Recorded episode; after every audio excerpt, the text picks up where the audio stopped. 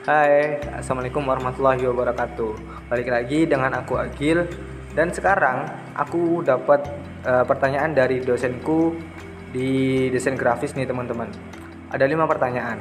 Dan yang nomor pertama ini uh, Jelaskan peranan dunia digital dalam kemajuan di dunia desain grafis. Nah, menurut aku, dengan perkembangannya dunia digital, maka berkembanglah pula dunia desain grafis.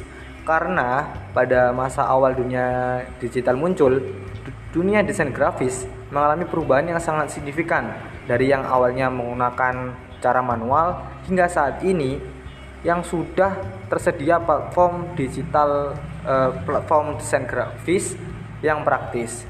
Itu teman-teman. Eh, untuk pertanyaan kedua, yaitu jelaskan perbedaan antara sistem gambar vektor dan sistem gambar bitmap.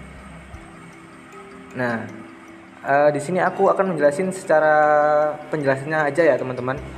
Uh, yang pertama, aku mulai dari bitmap dulu. Bitmap merupakan gambar yang terdiri dari titik-titik berwarna yang biasa disebut dengan pixel. Nah, sedangkan vektor sendiri merupakan gambar yang disajikan dalam bentuk garis, bagian-bagian yang lain yang saling berhubungan satu sama lainnya.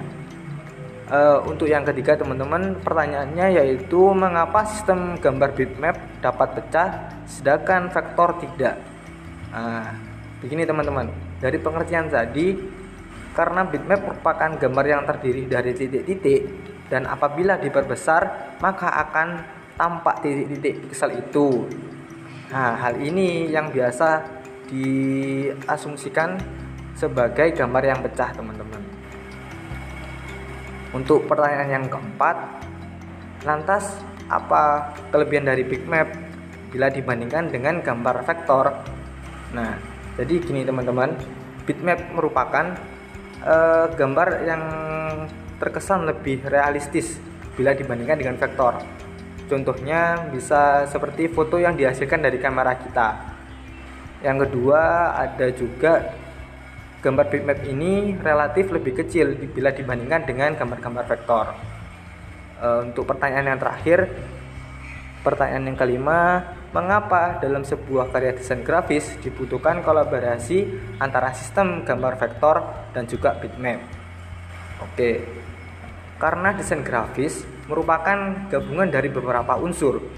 Oleh karena itu, jika gambar vektor dan juga gambar bitmap dijadikan menjadi satu kesatuan yang utuh akan menciptakan sebuah harmoni yang menarik antara gambar bitmap dan juga dan dan juga gambar vektor itu sendiri. Itu aja teman-teman dari aku. Terima kasih. Wassalamualaikum warahmatullahi wabarakatuh.